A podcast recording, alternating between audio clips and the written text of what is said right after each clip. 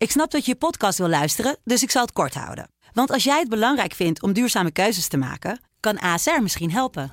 Nou hoor ik je denken, hoe dan? Nou, bijvoorbeeld bij het duurzaam herstellen van schade. Of de premies die we beleggen volgens ons duurzaam beleggingsbeleid. Dat bepaalt waar we wel en juist niet in investeren. Wil je meer weten over welke duurzame keuzes ASR maakt? Ga dan naar asr.nl slash duurzame keuzes. ASR doet het. Zo, dan kan je nu lekker naar je podcast luisteren. Deze podcast is mede mogelijk gemaakt door OBAM Investment Management. Al ruim 85 jaar Nederlandse beleggingshistorie met beleggen in aandelen wereldwijd. Ervaren, actief en met een duurzaam rendement investeren in uw financiële toekomst. OBAM Investment Management, de kunst van het kiezen. Kijk op obam.nl voor meer informatie. We hebben ook veel geschreven over de veronderstelde hete herfst, die toch ook maar niet echt kwam. De herfst is sowieso voorbij. Ja, die is sowieso voorbij. Het is een koude winter. Wel een mooi bruggetje naar ons eh, volgende blokje, de, de vakbonden. Goed hè? Dit is Kwestie van Centen, een podcast van de Financiële Telegraaf met Martin Visser en Robert Ophorst. Wat is de kortste periode dat je ooit bij één werkgever hebt gezeten, Martin? Oh. Ehm, twee jaar. Twee jaar. Ja. Nou, dat vind ik nog relatief lang. Ja, ja maar het was niet helemaal de bedoeling eh, wat mij betreft. Het was mijn eerste baan bij Elsevier. Oh, Je had, je, had, je had eigenlijk al sneller weg willen zijn of langer willen langer zitten? willen blijven. Ja. Ja. Nou ja, uiteindelijk is het allemaal goed gekomen, want de dagbladjournalistiek bleek bij mij te passen. Nee, maar dat was het kortste jaar. Ik begon met een jaarcontract. En toen na een jaar dat is, nou, we weten het nog niet helemaal hoor, met jou. Mhm. En ehm, ja, er zijn wel dingen die je wel goed kan, maar eh, Een, ook- beetje, een beetje wat we hier nog steeds hebben. ja, ja eh, eh, daar ga ik maar niet op in. maar, eh, en, eh, dus dit wordt de toon, eh, Robert. Oké, dit wordt, dan, dit dan, wordt dan, de toon. dan weten we dat. Nou, en na, een jaar- na, na een tweede jaar was het van, ja, helaas, nee, het is, Hmm. het is toch niet helemaal uitgekomen. En, eh, ja, en toen eh, ging ik naar het FD en daarna de Telegraaf. En eh, daar bleef ik in beide gevallen heel erg, heel erg lang. Dus het Ja. is alsnog uitgekomen. Ja, En er was een moment daarna, bij het FD, dat vind ik, eh, ga ik dat nog even zeggen. Ja. Na een aantal jaar, dat toen weer een nieuwe chef contact zocht van, eh, zullen we eens even lunchen?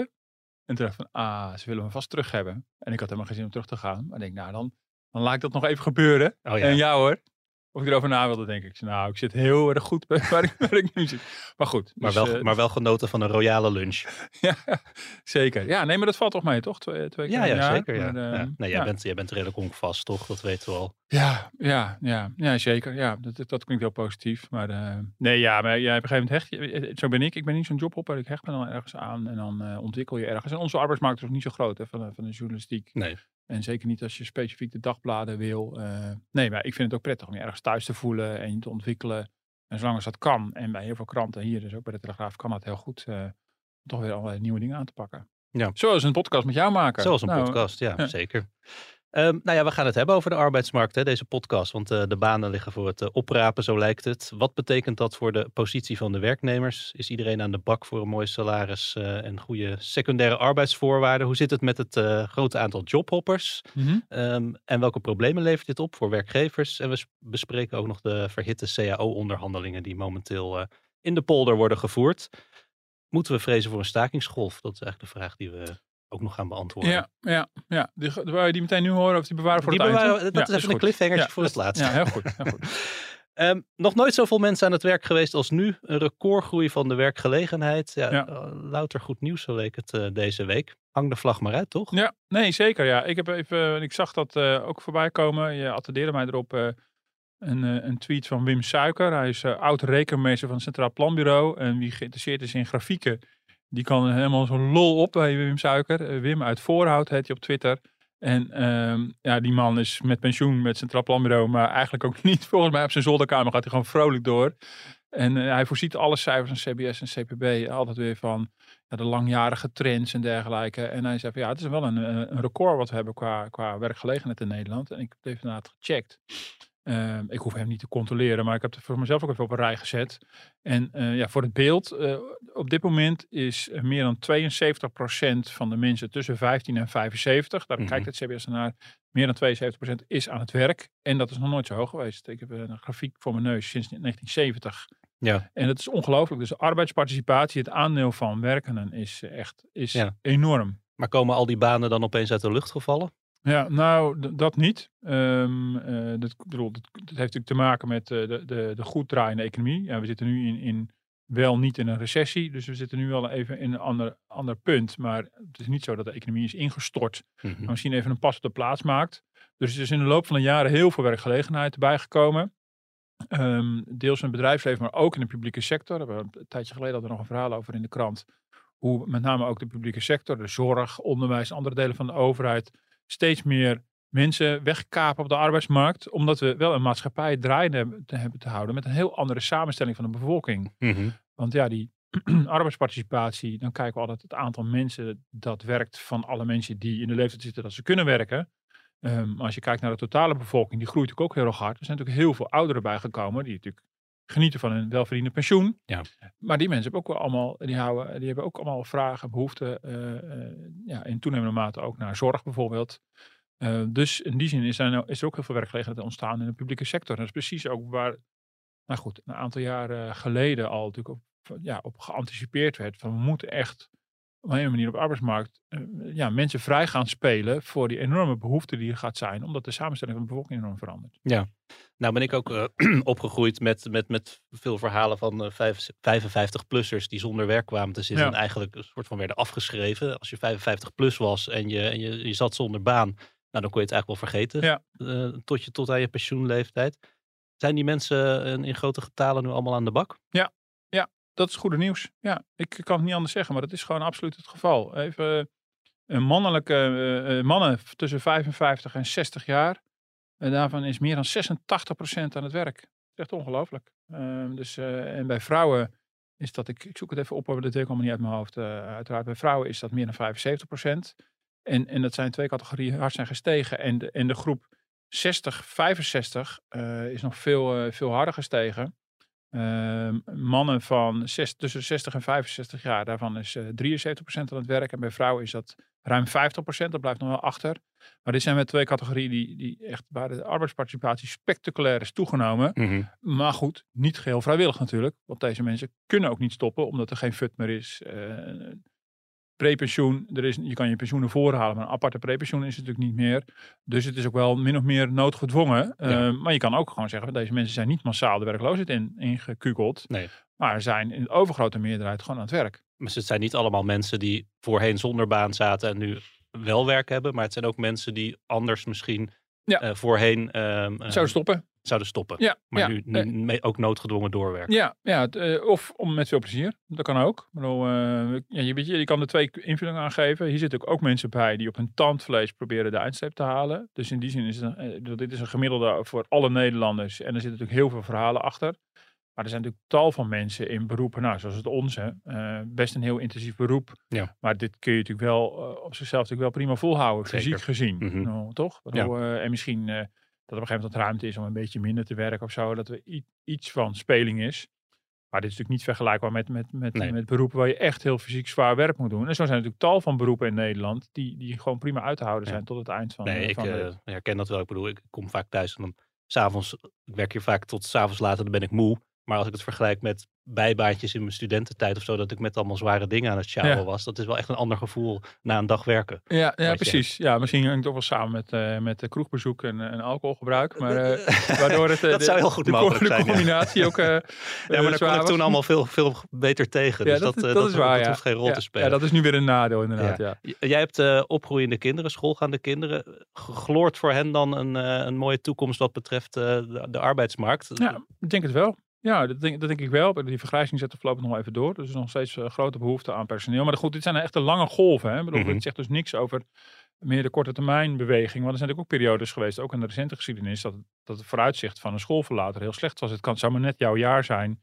dat je net in een crisis zit. En eh, eigenlijk eh, ja, noodgedwongen ineens drie kwart jaar op de bank zit en heel graag een baan zou willen hebben. Dus dat maakt wel heel veel uit. Ja. Dus je hebt natuurlijk de lange bewegingen en de, en de korte golven.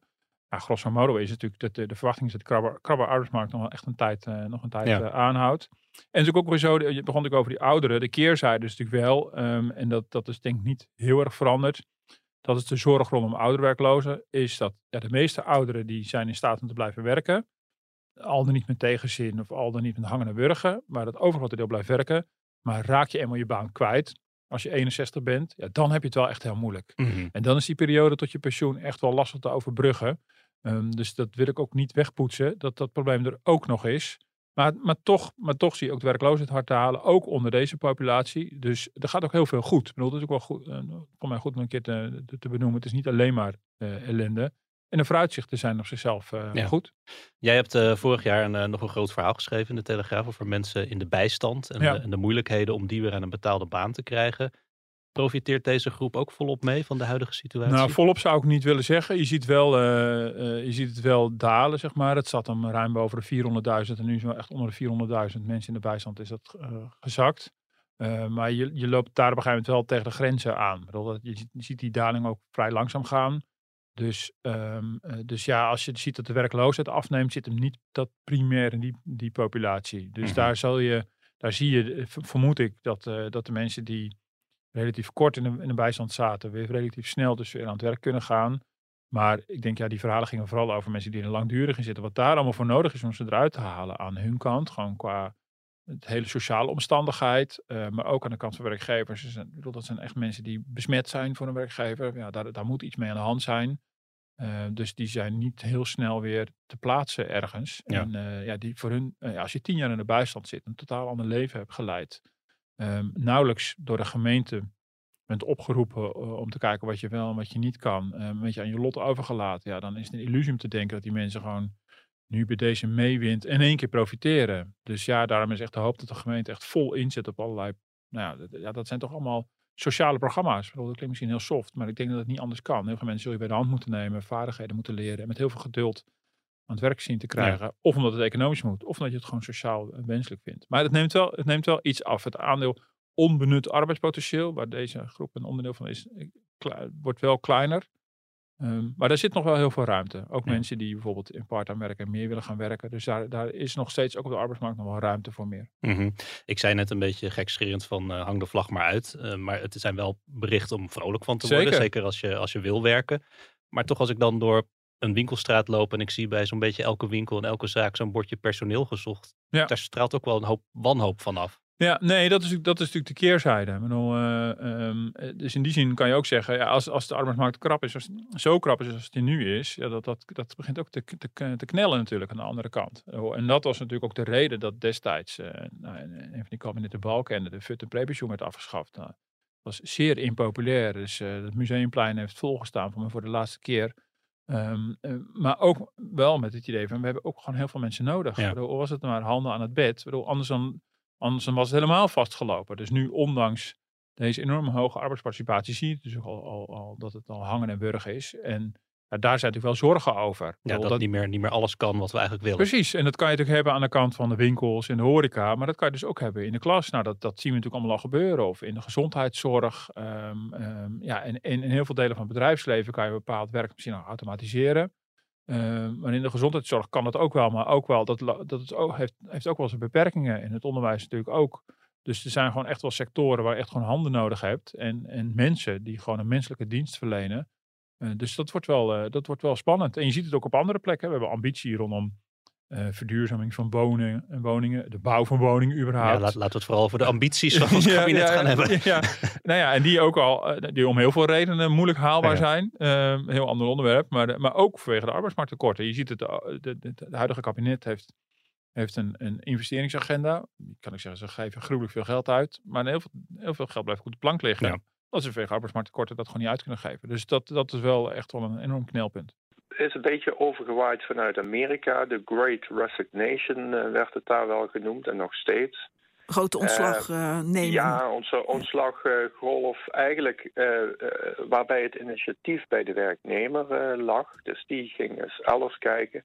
Soms ook vanuit een slechte work-life balance. Dus eh werk-privé-balans was niet altijd eh, optimaal.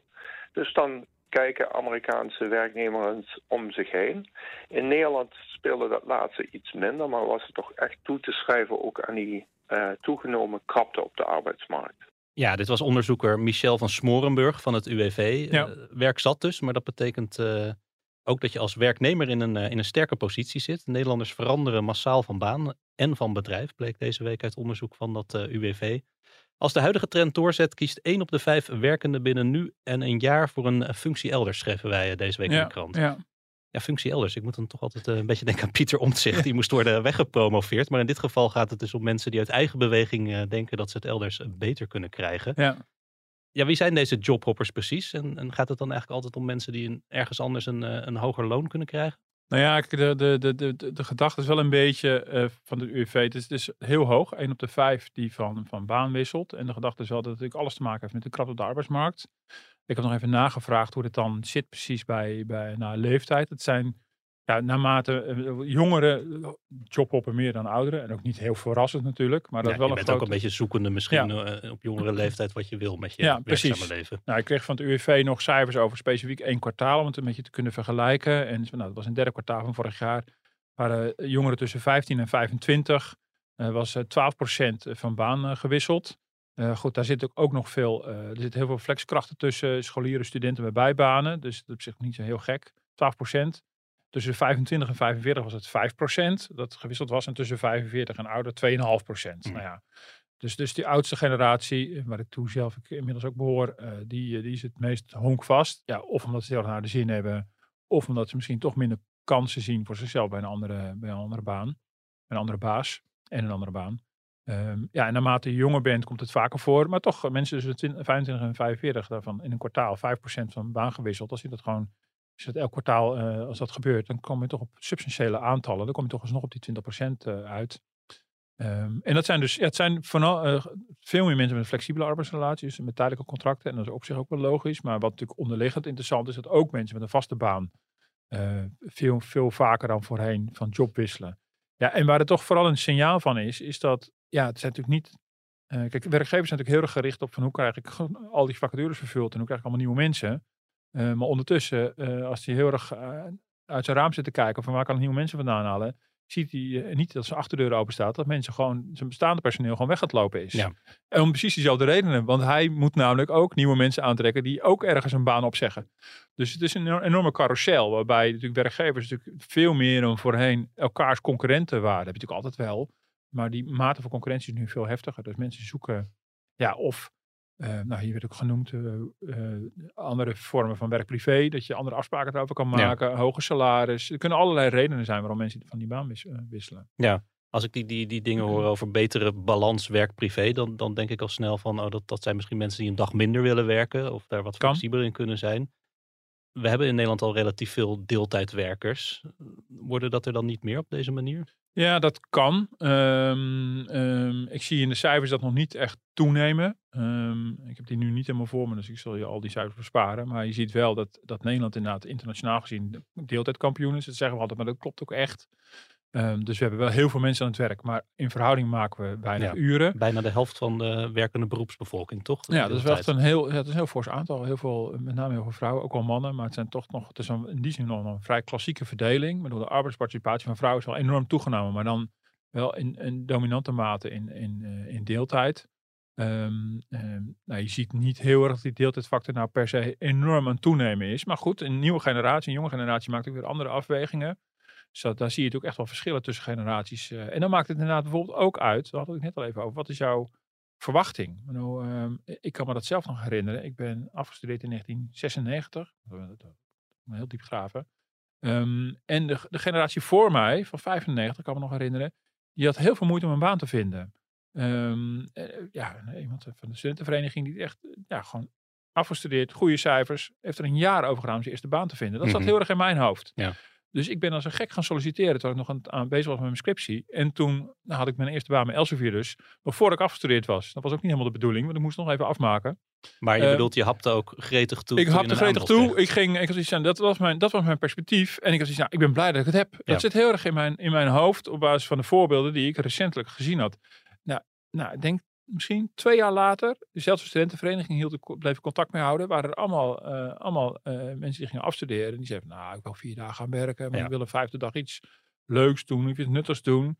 En ik had zoiets van, wat, vier dagen werken? Je mag blij zijn dat je, dat je een baan kan vinden. Maar dat was een heel korte tijd, was het omgeslagen. Dus dat beïnvloedt ook heel erg wat mensen belangrijk vinden. Welke keuzes. En dat, dat, dat zal je ongetwijfeld nu ook gaan merken. En of dat dan de deeltijdfactor daar weer gaat stijgen of constant blijft, dat durf ik niet te voorspellen. Maar inderdaad, het is natuurlijk wel ja, de, de, eisen die je stelt aan de baan hangen ook samen met van hoeveel eisen kun je überhaupt stellen. Nou, en nu zitten we wel in een periode dat mensen eisen kunnen stellen. Dat is natuurlijk wel, dat is wel duidelijk. Ja. ja. voor de werkgevers is dat dan ook wel een lastige puzzel om te leggen van wat, wat ga je mensen aanbieden? Ja, nou ja, kijk, en natuurlijk heel verleidelijk om te zeggen van nou, we nemen een nieuw iemand aan en die bieden bijvoorbeeld een uh, iets beter salaris. Dan gaan we wat ruimer boven de CAO zitten en dan maar hopen dat hij het niet doorvertelt aan zijn nieuwe collega's. Uh, maar ja, die vliegen gaat natuurlijk niet op. Uh, want dan ga je je huidige personeel, die raak je dan mogelijk kwijt als de arbeidsvoorwaarden niet goed genoeg zijn. Want die mensen zijn ook niet achterlijk, die kijken op om, weer om zich heen. Dus ja, je moet dus, dus, ja, het hele beleid van, van het aantrekken van personeel moet je combineren met het vasthouden van, van personeel. Dat is natuurlijk wel dat is natuurlijk wel van belang. En dan wordt het meer een spel van geven en nemen ook. En ja, nu rondom corona en de afloop van corona is het natuurlijk een volle, volop discussie. Natuurlijk allerlei bedrijven van de maat waarin je thuis kan werken. Zeg nog zoeken naar een nieuwe balans. We dachten met z'n allen even, nou we gaan massaal thuiswerken. En nu zien we ook weer de nadelen. Uh, want ja, dan zie je elkaar helemaal niet meer. Ik zie alleen maar nadelen persoonlijk. Jij ziet alleen maar nadelen. ja. vreselijk thuiswerken. nou, kijk, dus iedereen is, voor iedereen is dat verschillend. Maar er zijn ook mensen die liever überhaupt niet meer op kantoor komen. Nou, dan moet je toch een nieuwe balans uh, in zien te vinden. Ja, en als dan nieuwe mensen jouw uh, bedrijf binnenkomen, of de zittende mensen, en die hebben er allemaal gewoon wensen en eisen over. Ja, dan is het toch voor de werkgever een beetje uitpuzzelen van ja, hoe zorg ik dat ik, ja, dat ik het zo, zo samenstel dat, dat iedereen tevreden is. En dat is, dat is, uh, dat is wel lastig. Ja. Um, als je nou een loondienst werkt en je, en je ziet wat, wat ZZP'ers om je heen kunnen vragen ja. naar een uurloon en je bent bijvoorbeeld een installateur. Um, dan denk je misschien ook van ik begin lekker voor mezelf. Ja. Zien we dat ook terug? Nee, dat zien we zeker terug. Ja, dat zien we zeker terug. Uh, overigens niet alleen in de techniek, daar zie je het ook. En de IT, maar je zag het bijvoorbeeld ook in de gezondheidszorg. En daar zit je al in een hoek waar je denkt, dan moeten we dat willen. Het is alles publiek gefinancierd. En dat zien we zeker terug. Waardoor uh, um, je ziet uh, de, de, vaste baan is een opmars. maar de ZZP-schap is ook weer volop in opmars. Waardoor er heeft, heeft een tijdelijke dip plaatsgevonden door corona. Um, maar het is weer helemaal terug van, van nooit echt weg geweest. Dus dat zie je zeker gebeuren. Dat mensen die overstap ook maken, die zullen ongetwijfeld ook in deze baanwisselingen zitten. Um, ja, en dat heeft gewenste en minder gewenste effecten. Dat zorgt voor veel flexibiliteit natuurlijk aan de ene kant. Dus dat is heel mooi. Mensen, en mensen willen dat ook graag. Dat ze dan grippen en greep hebben op hun eigen werkzame leven, op hun eigen agenda. Nou, dat is gewoon de manier natuurlijk om arbeid en privé te kunnen combineren. Want je kan het samen, namelijk helemaal zelf inrichten. Je kan zelf bepalen waar je ja en nee tegen zegt. Uh, maar het heeft ook andere kanten. De samenhang in bedrijven verdwijnt. In, in, in, publieke instellingen zoals de zorg is het de vraag of we niet veel duurder uit zijn. Uh, onttrekken deze ZZP'ers zich aan allerlei uh, weekend- en nachtdiensten bijvoorbeeld, omdat ze daar geen zin in hebben. Nou, ja. Nou, dat, dat zijn allerlei vragen die het oproepen. Maar dat, dat, zie je, dat zie je zeker gebeuren. Of als jij als oudere in, de, in die thuiszorg ontvangt, dan elke dag een andere, ander iemand krijgt. Ja, die, ja dat is denk ik sowieso al zo. Ik weet niet of we dat helemaal aan de, aan de ZZP'ers kunnen mm. toeschrijven. Um, uh, maar zeker, dat zal, niet, dat zal er niet makkelijker op worden. Dat is ook wel een risico, ja. We hebben het in het verleden vaak gehad over de positie van ZZP'ers. Die, die met name aan de onderkant ook niet altijd even goed is. Zijn dit dan allemaal mensen die het inderdaad ook echt beter gaan krijgen? Of, of zitten we straks met een hele hoop ZZP'ers die uh, om, om in de problemen komen? Ja, nou ja, dat, ik denk dat heel veel mensen die nu overstap maken, dat doen omdat het nu beter is voor ze. Uh, qua uh, keuzevrijheid hoe zeggen dat, en, en, flexibiliteit over hun eigen agenda. En waarschijnlijk financieel. Al wordt de zelfstandige aftrek in hoog tempo echt afgebouwd. Dus dat, dat voordeel raak je gaandeweg uh, steeds meer kwijt. Ehm, maar dan nog is het, is, het, is het wel qua premies en fiscaal kan het wel zeer aantrekkelijk zijn. Dus ik wil de vraag in welke mate deze mensen ook nadenken over de toekomst. Wat betreft verzekering, wat betreft pensioen daar zit natuurlijk ook wel een zorg. Want als, als, als daar een heel grote groep voormalig ZZP'ers uh, in, in de arbeidsongeschiktheid belanden of, of, of pensioneren en eigenlijk daardoor een heel slecht inkomen hebben, wordt het op een gegeven moment vanzelf een maatschappelijk uh, probleem. Ja, en daarnaast heb je natuurlijk wel uh, natuurlijk ook toch het, het, misschien een wat kleiner deel van mensen die in allerlei ZZP-constructies worden gedwongen door werkgevers. Dus dat je natuurlijk in het hele laagbetaalde werk. Nou, je ziet wel dat daar echt wel heel hard tegen gevochten wordt. Met name door de, door de vakbeweging. Want ja, de mhm. overheid doet daar nagenoeg niks tegen. Want die zijn, die zijn al tien jaar aan het studeren op wat ze hiermee moeten. Dus de vakbond pakt het op. De uh, good old vakbond uh, daagt gewoon platformbedrijven voor, voor de rechter. Uh, die, die of vertrekken of omvallen. ja, omdat hun verdienmodel wordt uitgeknepen. Omdat ze toch ja, door de rechter soms gewoon weer in, in, in, onze oude economie worden geduwd. Met de oude arbeidsvoorwaarden. Ter bescherming van onderbetaalde mensen. Mm wel een mooi bruggetje naar ons uh, volgende blokje, de, de vakbonden. Goed? Wij kijken uiteindelijk naar een koopkrachtverlies van de afgelopen jaren. En we kijken ook naar de conflicten die de afgelopen periode zijn geweest. En we willen graag, daar hebben wij een uh, ja, looneis voor neergezet. En daar zijn we niet ook, onder andere ook niet aangekomen. Nou Dus, goed, nu eh, wordt er dus eh, gestaakt, morgen en, eh, en overmorgen. Hoe gaat het daarna verder? Wat dan? Eh, je hoopt natuurlijk altijd met eh ja, stakingen is een soort allerlaatste redmiddel. Eh, maar goed, wij vinden dat eigenlijk de, de grens is bereikt. Als 1 op de 5 ziek is, de werkdruk ergens hoog en de personeelstekort alleen heel groot is, dan, dan voorzien wij een, een uitzichtloze situatie. We hopen na de acties uiteindelijk toch weer met de werkgevers aan tafel te komen en ze tot zinnen te brengen om te zorgen dat we betere afspraken met ze kunnen maken. Marijn van der Graag hoorden we, vakbondsbestuurder FNV Streekvervoer.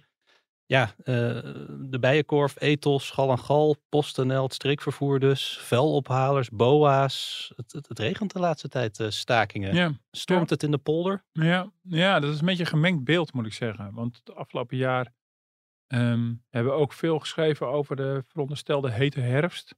Die toch ook maar niet echt kwam. De herfst is sowieso voorbij. Ja, die is sowieso voorbij. Het is een koude winter. Maar ehm, eh, ja, dat werd ook steeds, dat, dat roepen vakbonden natuurlijk Ja, graag. En is een beetje, een beetje wens, roepen Ja, dat, dat schrijven we ook graag op. Dat bekt ook allemaal lekker. Die vakbond, ronkende vakbondstaal. Maar op een gegeven moment hebben we ook wel gekeken van, nou, maar gebeurt het ook echt? Dan zag je wel dat het percentage afgesloten cao's vorig jaar bijvoorbeeld echt heel hoog was. Dat liep gewoon eigenlijk als een speer. Mhm. Eh, en we hebben natuurlijk ook allerlei akkoorden gezien eh, waar de hoge percentages werden afgesproken. Maar nu zie je toch wel weer een beetje rommelen. Ehm, het lastige is wel, waarom denk ik heel veel mensen het eigenlijk niet of nauwelijks merken, is dat een staking niet meer een staking is zoals we die vroeger kenden. Ehm, eh, ja, we hebben het over, het is het gemeenteambtenaren vuilophalers in Almere. Ja. Ehm, Daar, merken, daar merken wij bijvoorbeeld, jij woont Ja. in Amsterdam en ik Ja. in Haarlem, daar merken wij niks van. Nee, nee, het is heel vervelend voor die mensen in Almere. Maar het is niet, kijk, weet je, het is niet het beeld uit de jaren tachtig, waar op een gegeven moment, eh, de, of wat we uit Napels kennen, of dat soort beelden, dat gewoon de, de, de vuilnis gewoon wekenlang overal in, in het land op straat ligt eh, te rotten. Nee, Ja. weet je, dus, dus je ziet ook dat de vakbond, ehm, ja, omdat het vaak niet anders kan, ook vaak naar van die estafette-stakingen grijpt. Dat die, de NS-staking vorig jaar was ook wel heel succesvol. Eh, nu met de streekvervoer is ook een beetje, vervoer is ook wel een beetje een dubbel beeld.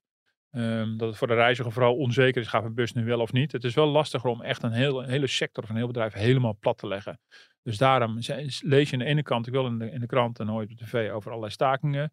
Maar kom je het misschien als consument ook niet voortdurend tegen, omdat het soms heel lokaal is. Ja. Ehm, Het is voor de vakbond ook altijd een beetje van, ja, dan- zo'n staking bij de NS was dan succesvol omdat er heel veel mensen aan meedoen en er heel veel mensen last van hebben, of omdat het uiteindelijk het gewenste resultaat oplevert. Ja, ik denk allebei. Ja, ik denk dat, eh, ehm, ja, je bedoelt, ze willen natuurlijk wel van zich laten horen. Ik bedoel, je wil wel, om het op de, op de kaart te zetten, wil je wel graag dat heel Nederland het merkt. Ja, dat de impact groot is. Dat de impact heel groot is. En dat is altijd heel erg balanceren, zeker bij een treinstaking. Want als die te lang duurt, dan krijg je heel Nederland tegen je. Gelukkig klagen treinreizigers nooit, dus nee, die, zeker. kunnen wel dat, wat zijn, hebben. dat zijn van nature heel optimistische mensen. en die doen natuurlijk ook allemaal voor het klimaat. Dus ze weten waar, het, waar ze het voor doen.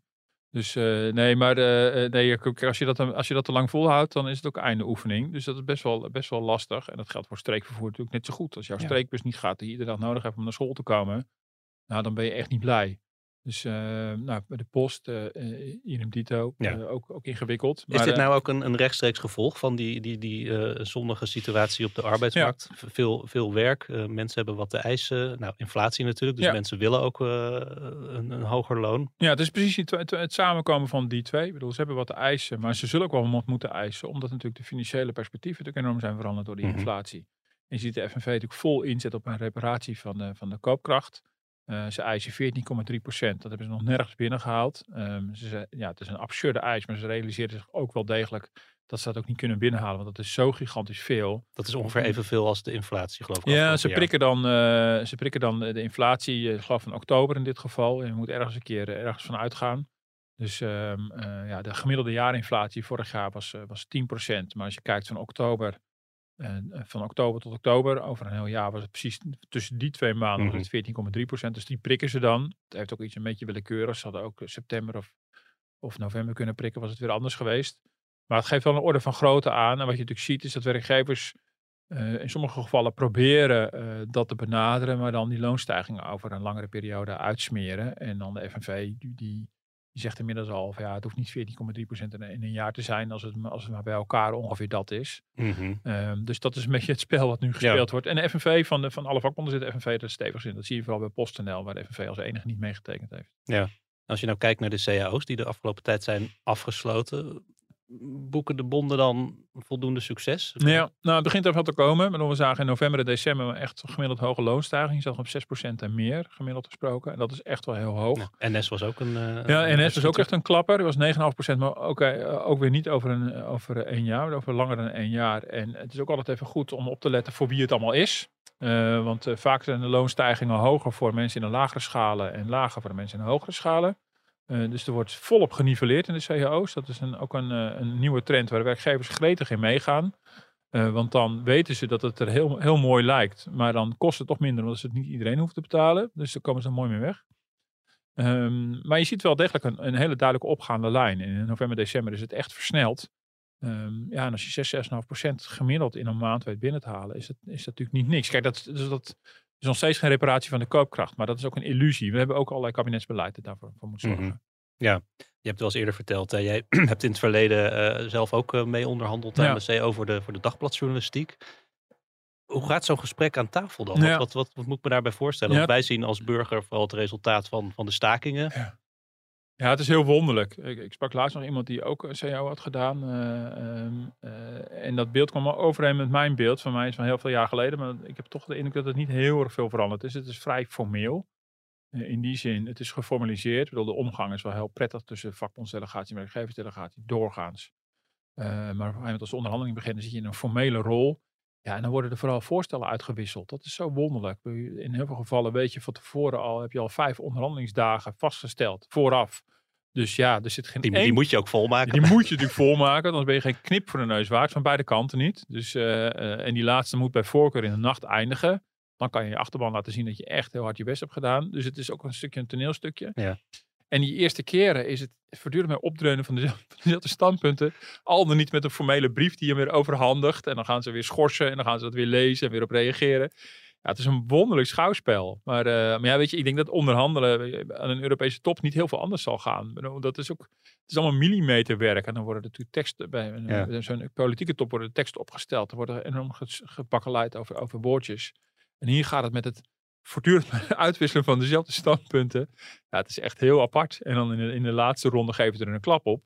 Ja, en die klap kan je het snelste geven op iets als salaris. Dat gaat ook het makkelijkst. Dan is het een kwestie van rekenen. En dan komt er een bod. Nou, bij de gemeente was het iets van 8%. En dan kijken ze, oh ja, is het over één jaar of is het over twee jaar? En wat is de ingangsdatum dan? Is het al 1 januari of moeten ze tot 1 juli wachten tot ze het krijgen? En zo ga je zitten soebatten. En alle meer kwalitatieve onderwerpen, ja, die, die belanden dan vaak in een van de studiecommissie. Want die zijn natuurlijk veel te ingewikkeld om in één keer af te tikken. En dan heb je al die tijd verspild in die voorgaan. Dit is echt wel heel wonderlijk. En dan, en dan krijg je een van de studiecommissie. Nou goed, als iemand ooit in dit veld iets wil doen, ga nooit, nooit in de studiecommissie zitten. Want dat, heb ik, dat, dat was mijn beginnersfout.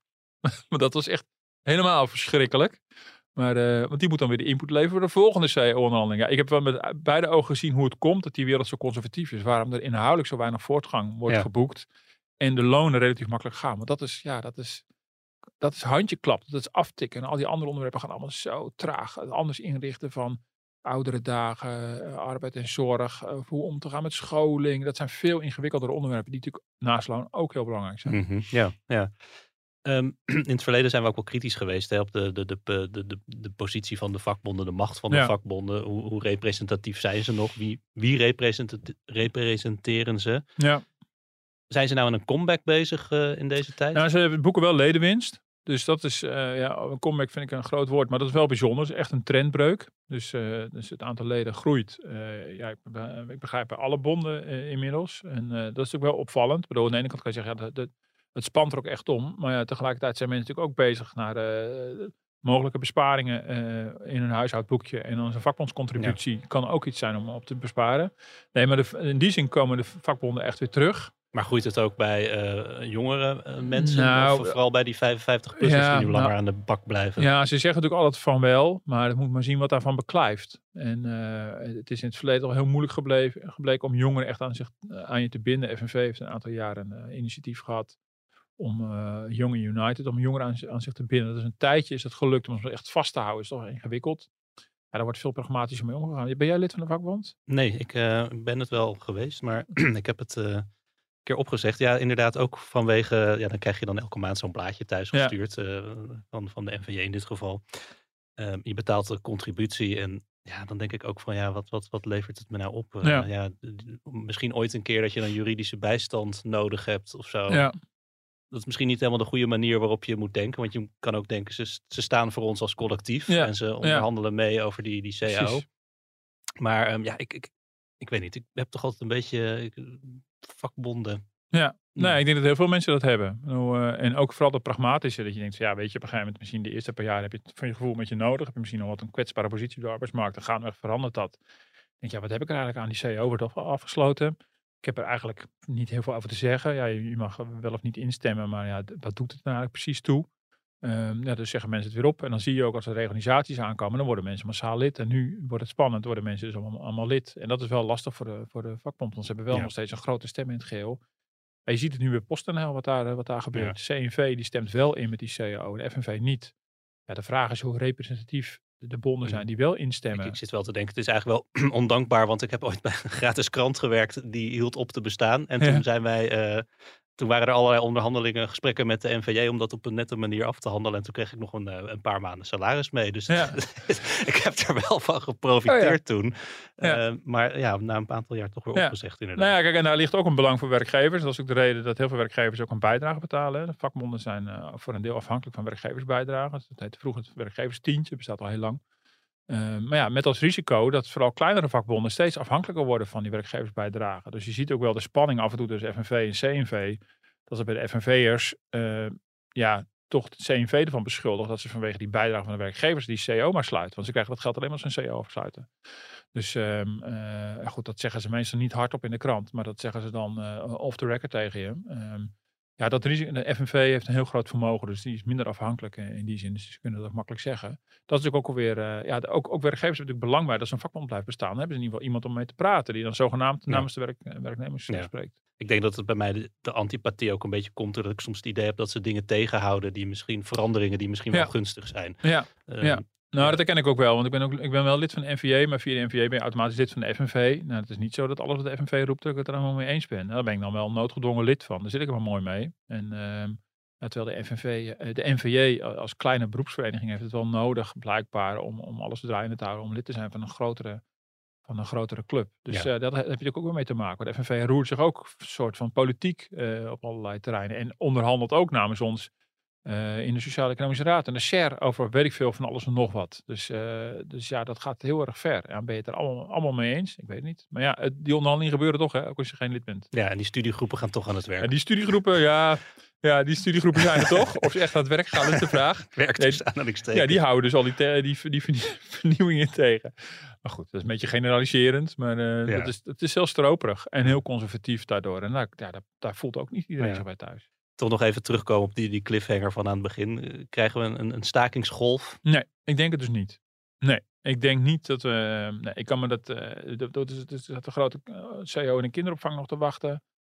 Nou, dat zou in theorie, als daar grote stakingen zijn, wordt het echt een, wordt het echt een puinhoop voor ouders met, met kinderen. Ehm, eh, maar nee, ik, ik, ik heb toch de indruk van niet. Je Ik ziet hou, wel. ik hou mijn hart vast. Ja, we hebben dus net de opvang geregeld. Ja, ja, dus nee, dus kijk, en die heeft natuurlijk hetzelfde, heeft een beetje zo'n NS-gehalte. Ik Ja. bedoel, dat doe je één dag, dat doe je twee dagen. Maar ehm, ja, dan heb je als kinderopvang toch echt wel een probleem met, eh, met die ouders. Nee, ik denk, je ziet wel de spanning wat toenemen. Maar het idee dat op een manier heel Nederland plat gaat. Of er echt hele grote sectoren totaal uitvallen. Ik zie het niet gebeuren dit jaar. Ja, daar is hij, daar is hij. Ik, eh, ik, ik, heb deze week voor het eerst eh, een aanbetaling gedaan bij een reservering voor een, voor een restaurant. Oh. Ik, ik weet dat het zeker sinds corona gemeengoed is in de Ja, horeca. een keer dat, gehad, eh, ja. dat, dat, dat, dat restaurants dat een, aanbetaling vragen. Ja, ik, moest, eh, ik ga met drie vrienden uit eten en ik moest 40 euro aanbetalen. Nou, ik Ja. vond het eigenlijk wel, eh, vond het eigenlijk wel goed. Maar ik moest wel meteen terugdenken dat ik ooit één keer in mijn leven dus hier ergens gereserveerd had. Dat was via Groupon, dat was een paar jaar geleden. Ja. Ehm, en toen liepen we naar dat restaurant toe. En ik had me eigenlijk niet zo goed gere- gerealiseerd waar het zat. Maar toen zag ik, oh, dat, dat, dat, dat zit hier in deze verschrikkelijke winkelstraat. En dat is dit onogelijke pand met, de, met die neonlichten en die, die witte tafels. En er zit niemand. En toen zijn we dus snel doorgelopen. Ja, dat is- eigenlijk, eigenlijk is het schandalig. Ja, ja, maar ja, als je eenmaal een aanbetaling hebt gedaan, dan ga je er ook eten ook. Dan gaan we daar eten ook. Ja, Ja, nee. Dus ja. ik, ik snap het wel eh, van die, van die restaurants. Dat kennelijk zitten ze te vaak met no-shows. En denken ze, Ja. nou ja, allemaal hoela. Ja, en ik heb het ook wel een keer gehad, ja. Ik moest er wel even, even aan wennen. Maar op zich, ja, het kan natuurlijk best. Ja, weet je, je theaterkaartje koop je ook vooruit. Dus ehm, ja. Ik me- merkte wel dat ik toen heel erg gespitst was van ze trekken toch echt van de rekening af. Hè? Ik bedoel, Ja, was- dat was is wel goed om in de gaten te houden. Ja. het voor het eerst was. Ik denk, ja, het is toch weer een paar tientjes. Hallo. Eh, Ja. ik wil wel even zeker weten dat dat goed gaat. Maar dat was, ging allemaal prima. Heb jij nog Dus- wat? Ja, voor de, voor de rondvraag. Ja, ik, ehm, ehm, eh, ja ik, ik, ik ben afgelopen, wat was het nou vorige week? Oh, ja, vorige donderdag. Ja, ben ik eh, naar een fantastisch concert aan Paradiso geweest. Nou, dat was toch weer even, even geleden. Van wie? En, eh, van Lucinda Williams. En zij, eh, zij is een grote in de, in de wereld van de Americana. Dus een beetje, ja, tussen de rock en country zit dat in. En eh, de gemiddelde leeftijd van de bezoeker was dus ook wel vrij hoog, moet ik, moet, moet ik zeggen. Ik voelde me helemaal jong. nee, maar zij is, ja, ik vond het echt geweldig. Als je haar niet kent, Lucinda Williams, moet je Mhm. echt even luisteren. Zij is eh, 70 jaar. Ehm, heeft een jaar of twee geleden een beroerte gehad. En heeft er een forse tik aan overgehouden. eh, Eenzijdige verlamming en dergelijke. En Opgekrabbeld en toert nu gewoon weer door heel Europa en Amerika, Amerikaanse en Amerika. Ik zag haar tourschema, dat zag er vrij moordend uit. Ze is wel kwetsbaar en broos en dat gaf iets heel moois. En Hm. ik ben niet al mijn leven lang fan. Ik ken haar bij relatief kort nog maar. Maar ik had het gevoel dat heel veel Ja. mensen daar in de uitverkocht paradiso wel enorm fan waren. Dus alleen al het ontvangst van die vrouw, omdat ze er gewoon weer was en werd begeleid naar de plek op het podium, was al fantastisch. En eh, nou, die zaal is ontploft uh, gaandeweg. Het, Een- eh, Lekker concert. hè, om weer een volle concertzaal Heerlijk, ja. Vijf sterren zag ik in de, in de kranten staan. Dus ik denk van, oh ja, dat is ook wel een keer fijn. Als ik dan een, weer eens een keer naar een concert ga, dat ik meteen naar een knijter ga. Dus ja, heerlijk. Aanbevolen om weer eens lekker naar de agenda van Paradiso of een andere popzaal Ja. te gaan kijken. Heerlijk. Mooi. Dat was hem voor deze week. Ik roep iedereen op om vooral te blijven mailen. podcast.dft.nl Duimpjes geven kan natuurlijk Ja, altijd. sterretjes, wat, wat dan ook op de podcast. Vijf apps. sterren. Ja, Net zoals het concert Ja. van Lucinda Williams. Ja, zeker. Minstens. Martin, eh, dankjewel. En iedereen eh, die geluisterd heeft ook bedankt. En eh, tot de volgende. Tot volgende.